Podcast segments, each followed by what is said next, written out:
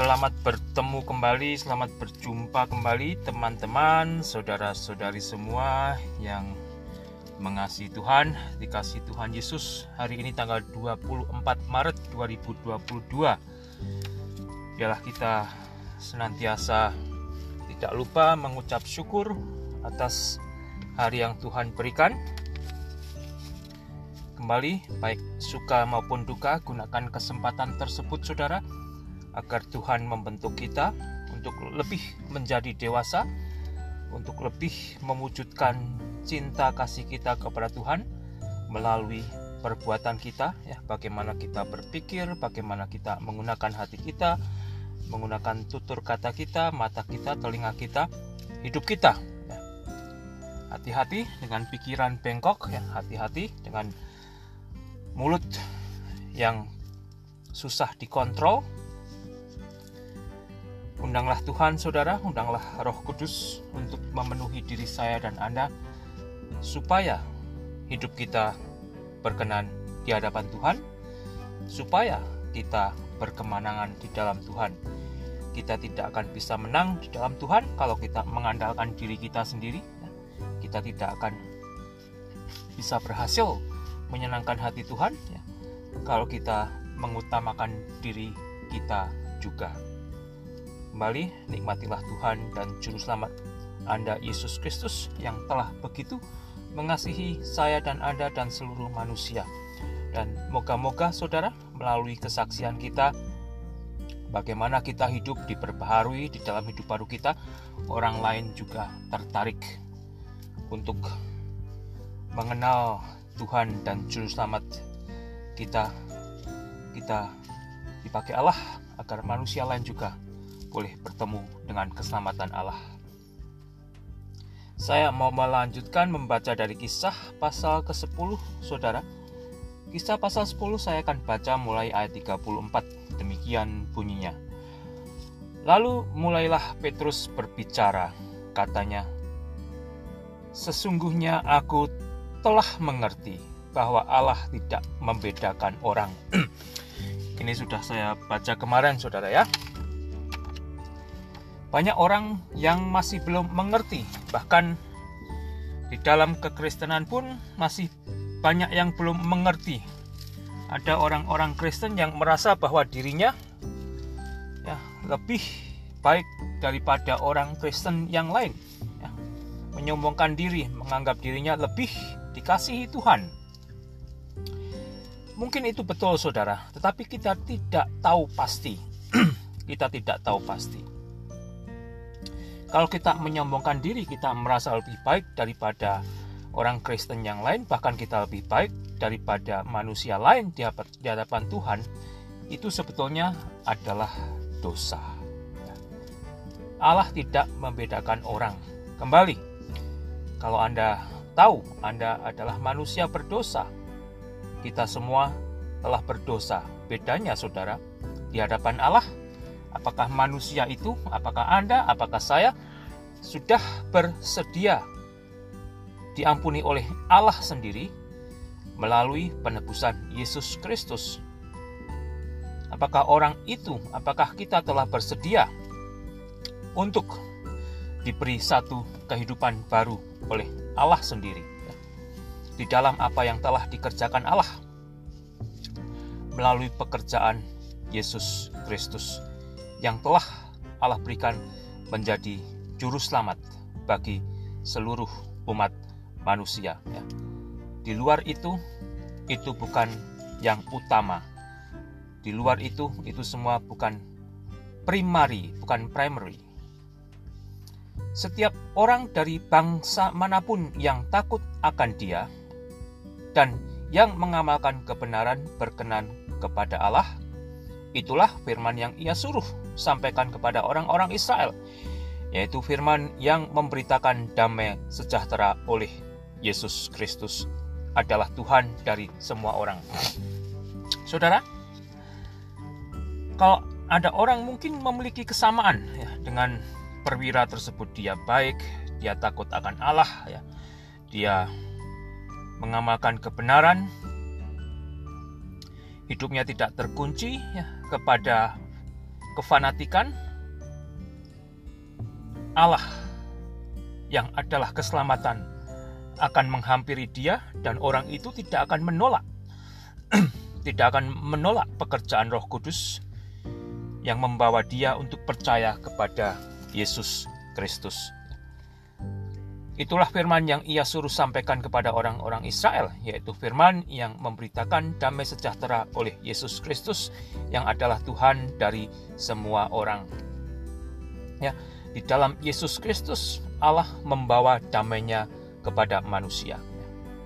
Anda boleh merasa memiliki damai dengan Allah.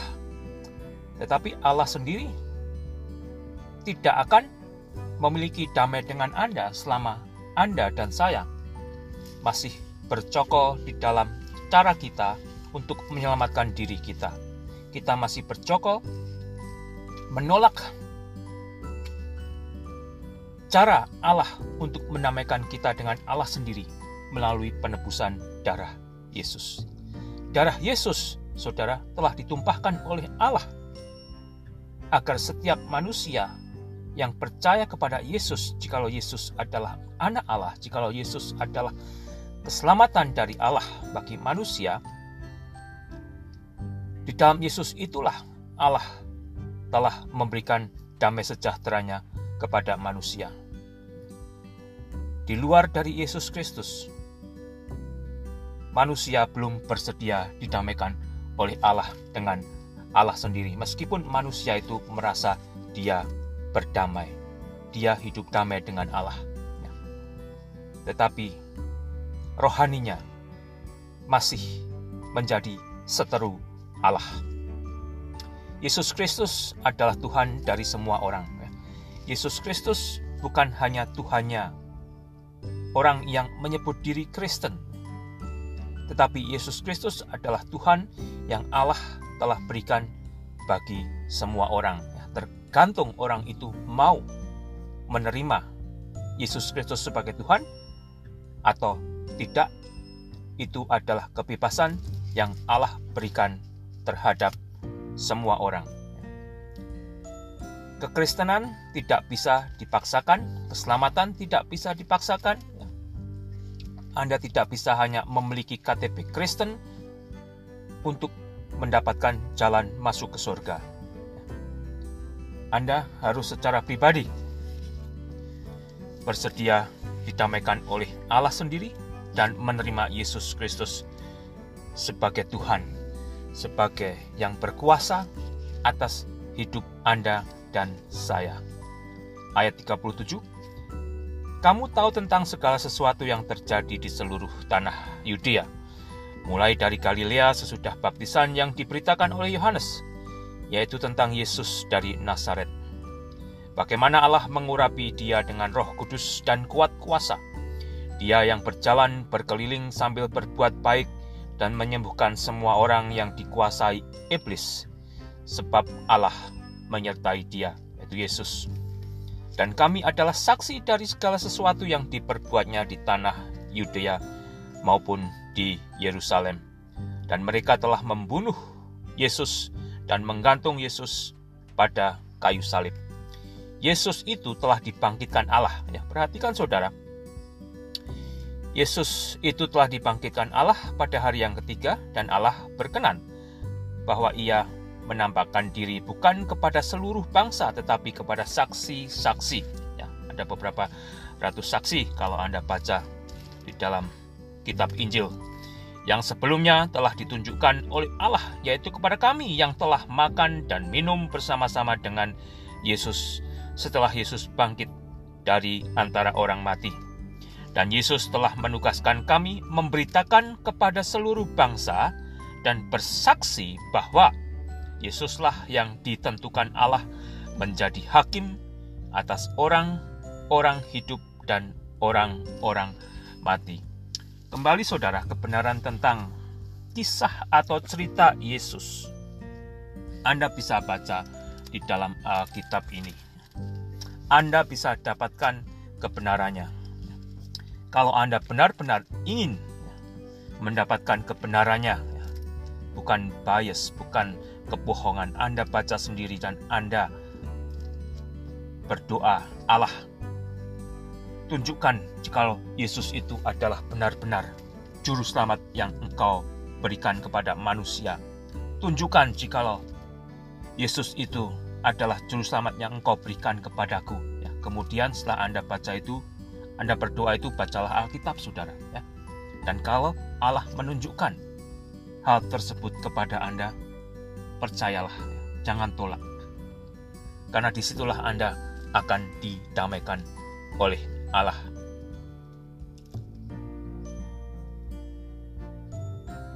Dan ia telah menugaskan kami memberitakan kepada seluruh bangsa dan bersaksi bahwa Yesuslah yang ditentukan Allah menjadi hakim atas orang-orang hidup dan orang-orang mati. Ya, kalau pada akhirnya saudara Anda akan dihakimi oleh Yesus, saya akan dihakimi oleh Yesus. Semua manusia yang telah mati yang kemudian akan dibangkitkan akan dihakimi oleh Yesus dan semua orang yang hidup pada penghakiman tersebut akan dihakimi oleh Yesus, saudara. Tidakkah Anda pikirkan kembali kalau Anda sampai saat ini masih menolak Yesus ya?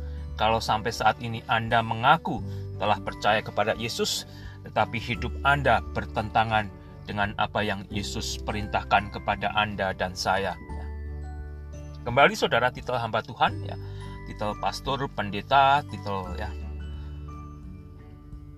pengajar Alkitab tidak memberikan jaminan jikalau dia hidup berdamai dengan Allah, hidup berdamai dengan Yesus Kristus. Itu semua akan dibuktikan dengan bagaimana dia hidup. Itu semua akan kita buktikan dengan bagaimana saya dan Anda hidup ya.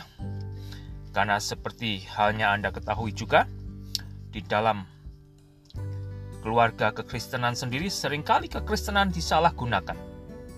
Ya. Bukan untuk melakukan pekerjaan Allah, tetapi untuk dijadikan bisnis manusia dalam rupa-rupa pelayanan. Tentang Yesuslah semua nabi bersaksi bahwa barang siapa percaya kepada Yesus, ia akan mendapat pengampunan dosa oleh karena nama Yesus. Kembali saudara hanya dosa yang pada akhirnya akan mengganjal manusia yang oleh manusia dinilai dia sangat baik ya. Dia sangat dermawan, dia sangat bijaksana, dia sangat lemah lembut ya. Dia sangat ini dan sangat itu. Istilahnya dia super baik. Super baik di hadapan manusia adalah sangat baik. Tetapi masalahnya, dia masih menyimpan dosanya yang tidak mau diampuni oleh oleh Allah di dalam pengampunan Yesus Kristus ya. Jadi saudara, temukan bukan hanya karena kebaikan Anda anda bisa masuk surga. Kebaikan Anda sangat terpuji sebagai manusia, dan manusia lain didorong untuk mencontoh kebaikan Anda. Tetapi, piala Anda juga bersedia didamaikan oleh Allah sendiri karena dosa Anda di dalam Yesus Kristus. Ya. Di ayat 49 Anda bisa baca kembali kisah Rasul 10 dan tentang Yesuslah semua nabi bersaksi. Ya, jadi nabi-nabi yang telah hidup jauh sebelum kelahiran Yesus telah menyaksikan tentang apa yang akan diperbuat oleh Yesus yang akan datang kemudian hari. Dan barang siapa percaya kepada Yesus, ia akan mendapat pengampunan dosa oleh karena nama Yesus.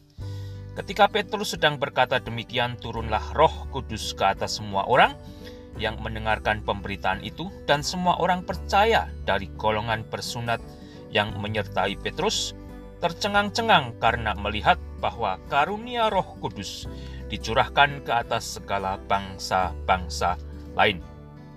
Sebab mereka mendengar orang-orang itu berkata-kata dalam bahasa roh dan memuliakan Allah. Lalu kata Petrus, "Bolehkah orang mencegah untuk membaptis orang-orang ini dengan air?" Sedangkan mereka telah menerima Roh Kudus sama seperti kita. Lalu ia menyuruh mereka dibaptis dalam nama Yesus Kristus. Kemudian mereka meminta Petrus supaya ia tinggal beberapa hari lagi bersama-sama dengan mereka. Pengalaman ini saudara ya yang Anda baca di ayat 44 adalah pengalaman unik, peristiwa unik yang tidak bisa dikopi, yang tidak bisa Anda paksakan untuk terjadi di dalam kelompok Anda. Tetapi jikalau hal yang demikian terjadi, puji kepada Tuhan. Ya. Orang-orang yang percaya tersebut dipenuhi oleh Roh Kudus, ya. karena apa? Mendengarkan berita Injil yang Petrus sampaikan, dan mereka. Apa yang terjadi, saudara? Mereka berkata-kata dalam bahasa roh. Ya. Dan apa isinya? Bahasa roh tersebut, menurut Petrus, berisi tentang hal-hal yang memuliakan Allah. Ya. Topik bahasa roh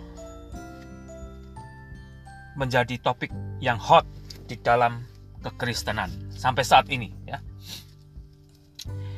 Dan kalau Anda perhatikan masing-masing akan banyak yang saling ingin membenarkan tentang pengertian mereka tentang bahasa roh itu ya. Tetapi kalau Anda tidak mau salah perhatikan baik-baik yang Anda bisa baca dari 1 Korintus pasal yang 14. 1 Korintus 14 ya. Anda bisa baca di situ tentang bahasa roh lebih jelas bagaimana penggunaannya untuk apa ya.